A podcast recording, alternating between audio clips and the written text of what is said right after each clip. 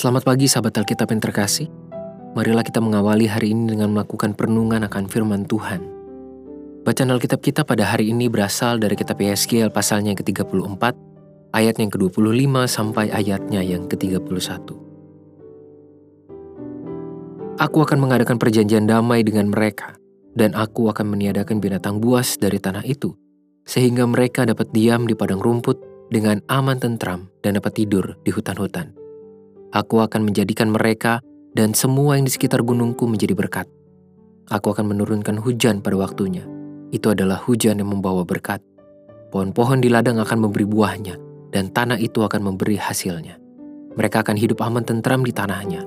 Mereka akan mengetahui bahwa akulah Tuhan pada saat aku mematahkan kayu kuk mereka dan melepaskan mereka dari tangan orang yang memperbudak mereka.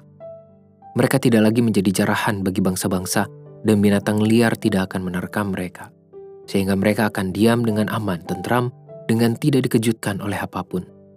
Aku akan mendirikan bagi mereka suatu taman kebahagiaan, sehingga di tanah itu tidak seorang pun akan mati kelaparan, dan mereka tidak lagi menanggung noda yang ditimbulkan bangsa-bangsa. Dan mereka akan mengetahui bahwa aku Tuhan Allah mereka, menyertai mereka dan mereka, kaum Israel adalah umat. Demikianlah firman Tuhan Allah. Kamu adalah domba-dombaku, domba gembalaanku, dan aku adalah Allahmu. Demikianlah firman Tuhan Allah. Sahabat Alkitab, tamak atau serakah merupakan salah satu kecenderungan negatif yang dapat muncul pada diri setiap manusia. Pada dasarnya, ketamakan merupakan hasil dari ketidakmampuan seseorang dalam mengendalikan hasrat untuk memiliki yang begitu besar dan berpusat hanya untuk kenyamanan diri sendiri. Artinya, melalui perilaku tamak, seorang manusia tidak sekedar mengumpulkan banyak, melainkan juga berupaya selalu memenuhi orientasi egonya sendiri. Tentu saja perilaku ini dapat semakin berkembang hingga menimbulkan banyak dampak yang negatif dan menghancurkan bagi pihak lain yang ada di sekitarnya, entah sesama manusia maupun makhluk ciptaan Tuhan yang lainnya. Ketamakan tidak hanya muncul dalam hidup relasi keseharian, tetapi juga dalam relasi beriman. Seorang umat Tuhan yang tidak dapat mengendalikan hasrat dan egonya akan menjadikan beriman kepada Tuhan sebagai media untuk menghasilkan banyak kenyamanan demi egonya sendiri. Hal ini tentu bukanlah praktek hidup beriman yang sesuai dengan firman Tuhan. Salah satu acuan untuk membentuk hidup beriman yang anti ketamakan dapat kita resapi melalui pesan kenabian dari Yehezkiel pasal 34 ini.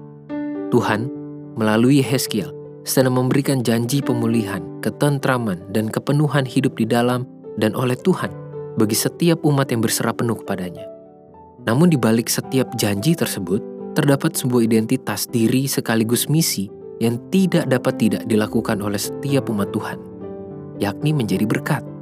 Hal ini merupakan unsur penting dalam keseluruhan rangkaian janji pemulihan Tuhan secara khusus mengingat pengalaman umat Israel yang sudah cukup lama hidup dalam kesulitan dan terpisah dari Tuhan. Pemulihan yang akan mereka dapatkan dapat berubah menjadi pengalaman yang menghancurkan diri maupun pihak lain di sekitar mereka jika mereka tidak mampu memandang berkat Tuhan tersebut dengan perspektif iman yang sehat dan hati yang tulus. Mereka sangat mungkin menjadikan Tuhan sebagai agen untuk memenuhi segala ketamakan mereka. Sahabat Alkitab, kita perlu mawas diri agar terhindar dari ketamakan beriman yang justru dapat menjadikan perilaku hidup yang tidak sehat, entah untuk diri sendiri maupun orang lain. Segala berkat dan pemulihan dari Tuhan bukan sekadar pengalaman penuh nikmat untuk kita jalani sendiri, melainkan juga sebagai pembentukan identitas dan misi yang menghadirkan berkat dari Tuhan bagi pihak lain di sekitar kita. Marilah kita berdoa. Tuhan di dalam setiap perjalanan kehidupan kami begitu banyak karya. Bagaimana Tuhan memberikan dan memenuhi kami dengan berkat dan pertolongan dan penyertaan-Mu. Tolong kami agar kami terhindar dari ketamakan, termasuk ketamakan beriman. Mampukan kami untuk terus menyadari bahwa segala sesuatu yang Tuhan hadirkan, yang Tuhan berikan bagi kami, merupakan cara Tuhan juga untuk menjadikan kami saluran berkat bagi orang-orang yang ada di sekitar kami, termasuk bagi ciptaanmu yang lain. Tolong kami ya Bapa. Hanya di dalam nama Tuhan Yesus Kristus, sumber kehidupan, kami berdoa. Amin.